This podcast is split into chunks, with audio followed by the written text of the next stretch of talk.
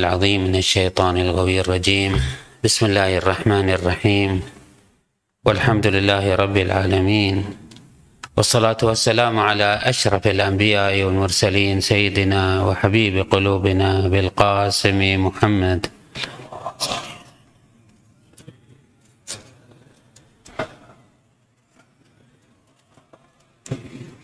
وعلى أهل بيته الطيبين الطاهرين المعصومين الميامين. اللهم صل على محمد سيد المرسلين وخاتم النبيين وحجة رب العالمين. المنتجب في الميثاق المصطفى في الظلال المطهر من كل آفة البري من كل عيب المرتجى للشفاعة المفوض إليه دين الله. اللهم شرف بنيانه وعظم برهانه وابلج حجته. وارفع درجته واضع نوره. اللهم بيض وجهه واعطه الفضل والفضيلة والمنزلة والوسيلة والدرجة الرفيعة. وابعثه اللهم مقاما محمودا يغبطه به الأولون والآخرون. اللهم صل على محمد وآل محمد الأوصياء الراضين المرضيين. بأفضل صلواتك وبارك عليهم بأفضل بركاتك والسلام عليهم وعلى أرواحهم وأجسادهم ورحمة الله وبركاته. ثم السلام عليكم أيها المؤمنون جميعا ورحمة الله وبركاته. قال العلي العظيم في محكم كتابه الكريم بسم الله الرحمن الرحيم. يريد الله ليبين لكم ويهديكم سنن الذين من قبلكم ويتوب عليكم. والله عليم حكيم. والله يريد أن يتوب عليكم ويريد الذين يتبعون الشهوات أن تميلوا ميلا عظيما. يريد الله أن يخفف عنكم وخلق الإنسان ضعيفا. صدق الله العلي العظيم. شاءت الإرادة الإلهية أن يخلق هذا الكون في ضمن تدابيره ومشيئته و إرادته. وفي هذا الخلق هناك مساحة متاحة للإنسان فيها يتحرك الإنسان حركة اختيارية. في هذه الحركة الاختيارية احتاج الإنسان إلى أن تملأ بالهداية والتسديد والإرشاد. ومن هنا احتاج الإنسان أن يضع لنفسه دون بقية الكائنات والموجودات حيها وميتها. دونها أحتاج الإنسان أن يضع لنفسه دستورا ومنهاجا وشريعة وتوافقا تنظم حياته وتكمل ما يحتاجه في حركته العامة. بمعنى آخر أنه كل ما في هذا الكون مسير ويساق بإرادة ربانية تكوينية إلى مدارج كمالة وهذا ما نلمسه ونحسه من الذرة إلى المجرة. كل ما في هذا الكون مهيأ ويساق بإرادة إلهية تكوينية حكيمة خبيرة رحيمة لتأخذ بيده إلى مدارج كمالة ومراتب استواءه وترقيه في هذا الكون. فنجد البذرة عندما توضع في البيئة الصالحة والمنطقة المناسبة لها فإنها تنمو وتكبر تأخذ مداها في الاستواء. كذلك المجرات وفي حركتها مرورا بكل تفاصيل هذا الكون. كله يسير بإرادة تكوينية. إرادة تكوينية بمعنى أنه قاصرة حاكمة لا تأخذ بإرادة البقية الموجودات وإنما هي تجبر كل الموجودات كما هو القانون الفيزيائي والكيميائي وكل ما في هذا الكون مبرمج على أن يسير أو حسب تعبيرهم اليوم مشفر تشفيرا تكوينيا أن يسير بطريقة قاصرة قاهرة لا يتخلف ولا تختلف. ولكن في هذا في ضمن هذه اللوحة العامة هناك مساحة يوجد فيها حركة تختلف فيها هذه القا... تختلف هذه القاعدة وهذا القانون وهي حركة الإنسان الاختيارية، في هذه الدائرة الإنسان هو يختار ما يريده سواء أوصله إلى كمال أو ساقه إلى نقصان ودمار، فإنه في هذه المساحة يتحرك الإنسان ومن هنا احتاج الإنسان إلى أن ينظم حياته في ضمن تقنينات ودساتير. هذه القوانين وهذه الدساتير تارة تكون وضعية أرضية يخترعها الإنسان ويتصور أنها يفترض أنها تقوده إلى ما في صلاحه. وهذا ما لمسناه في حياة الإنسان في طوال تاريخ الإنسان عندما يتصدى هو لوضع القانون والدستور والشريعة والمنهاج الذي يتلائم معه ويتصور أنه يتناسب معه.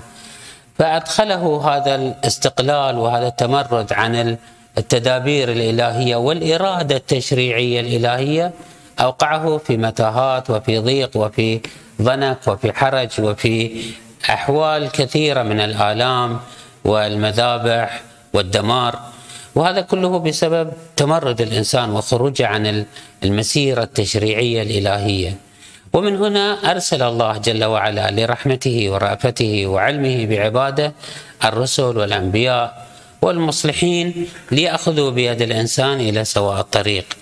أرسل رسلا كما يقال 140 124 ألف نبي وفيهم أنبياء ذو شرائع ودساتير ومناهج كما تنصص الروايات أن هناك خمسة من الرسل أولو العزم لكل منهم كان شريعة ومنهاجا كما تقول الآية الكريمة في قوله عز وجل وأنزلنا إليك الكتاب وأنزلنا إليك الكتاب بالحق مصدقا لما بين يديه من الكتاب ومهيمنا عليه فاحكم بينهم بما أنزل الله ولا تتبع أهواءهم. تقول الرواية الواردة عن الإمام الصادق عليه أفضل الصلاة والسلام. رواية طويلة تريد أن تبلور هذا المعنى. إن الله عز وجل أعطى محمدا صلى الله عليه وآله.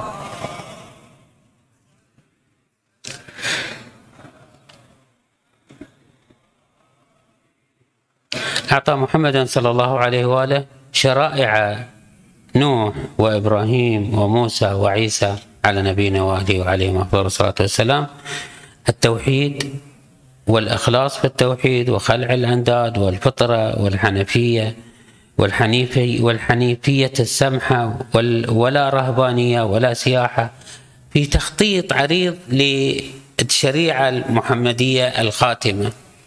في خلاصة لطيفة وجميلة لخصائص الشريعة المحمدية الخاتمة التي تحقق للإنسانية ما عجزت عنه كل الشرائع وكل الملل أرضيها وسماويها.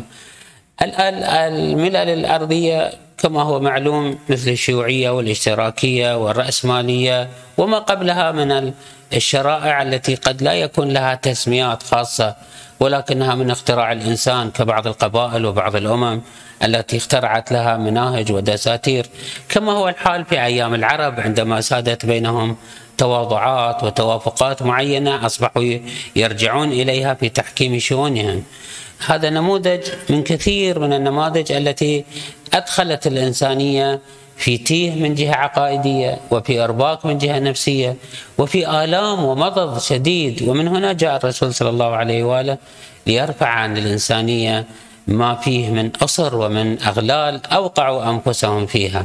ولكن هذه الشريعة السمحة هذه الشريعة اختصرت كل ما في الشرائع الحقة الشرائع السماوية دون الشرائع الأرضية. والشرائع السماوية أيضا لعله قلنا أنه كثيرة. وكل نبي من الأنبياء كان يأتي بتجديد وإحياء لشريعة النبي الذي قبله من أولو العزم. فنوح عليه أفضل الصلاة والسلام جاء بشريعة وحتى أيام إبراهيم عليه أفضل الصلاة والسلام حيث ألغى شريعة نوح وجاء بشريعة إبراهيمية.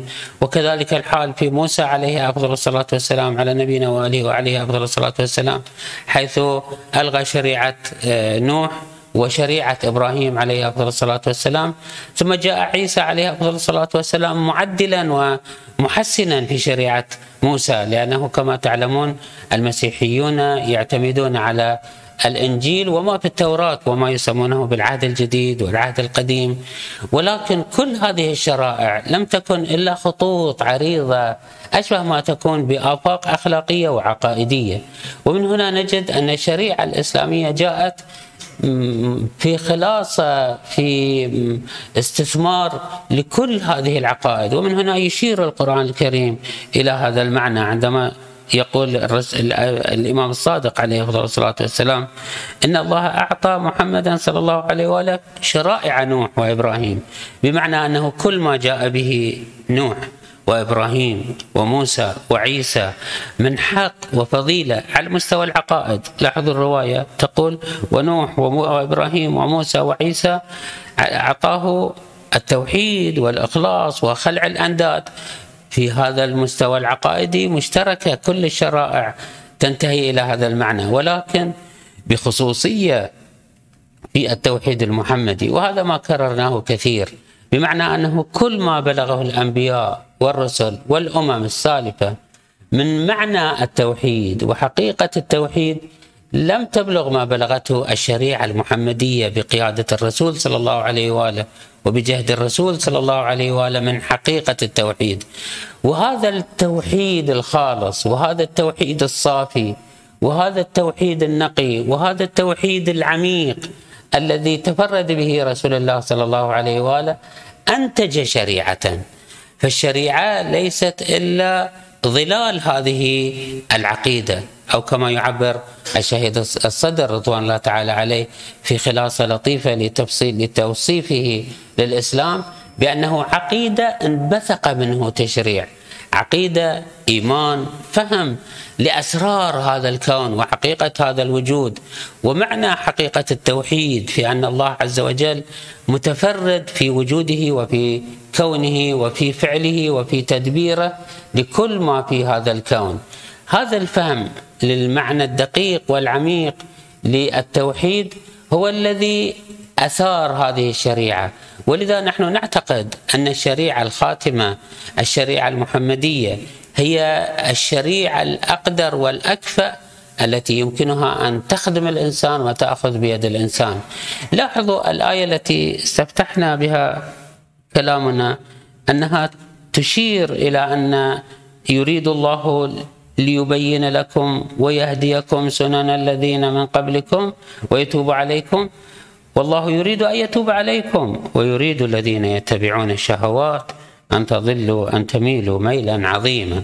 ما يقابل هذه الشريعة أي منهج اخترتموه؟ أي سبيل ديمقراطية رأسمالية شيوعية إشتراكية؟ مهما تواضعتم على أي منهج أنتم اخترعتموه وأسستموه فإنه لا يخلو أن تدخله تدخله وتشوبه كثير من الأهواء. والشهوات والرغبات التي تنتهي بكم إلى الميل العظيم. كما تكلمنا بشكل مفصل في الجلسة السابقة الأسبوع الماضي عندما أثرنا المخاوف من هذه المناهج الجديدة في هوية الإنسان وليس فقط في منهجه وسلوكه. هم يريدون أن يوجدون شرائع وتقنينات ومناهج في تدبير الإنسان بدعوى أنهم أقدر على البحث عن مصلحة الإنسان. وعن سعادته في هذه الدنيا وعن قوام شأنه.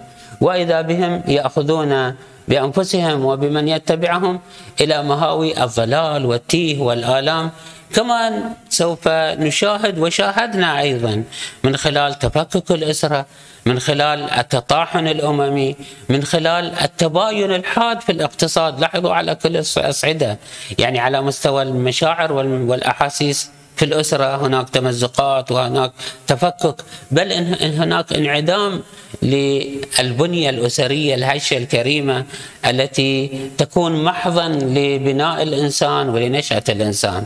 تعدوا ذلك إلى أن أصبح الواقع الاجتماعي ككل وليس مستوى الأسرة فقط. حالة من القلق حالة من الاضطراب حالة من انعدام الاستواء القلق إلى حد أنه يربون الأبناء اليوم على أنه أنت في مقتبل عمرك. الشاب الصغير الطفل اليافع يقولون له أنت يجب أن تشك في أنك ذكر أنثى إنسان حيوان. يجب أن تراجع نفسك. دع عنك ما يقوله أهلك. دع ما يقوله الناس. دع ما تقوله الطبيعة. دع ما تقوله الفطرة. دع يربكون كل هذه الأصعدة. بعنوان أنهم يعطون الإنسان مطلق الحرية ومطلق الاختيار وأنه يجب أن لا يسلب اختياره في أن يشخص هو يجد هو يبحث عن نفسه وعن وجدانه. وهذا ما يوقعه في حالة من الإرباك والألم والقلق لأن الطفل الصغير قد يربك في أنه نعم أنا إنسان أو حيوان أنا سليم أو معاق أنا ذكر أو أنثى. وهذا ليس أخواني أحبتي أخواتي المؤمنات. هذا ليس من باب الافتراض وليس من باب التأملات الفكرية. هذا واقع يعيشه الإنسان الذي تأخذه المناهج والدساتير والشرائع غير الدينية غير المصيبة.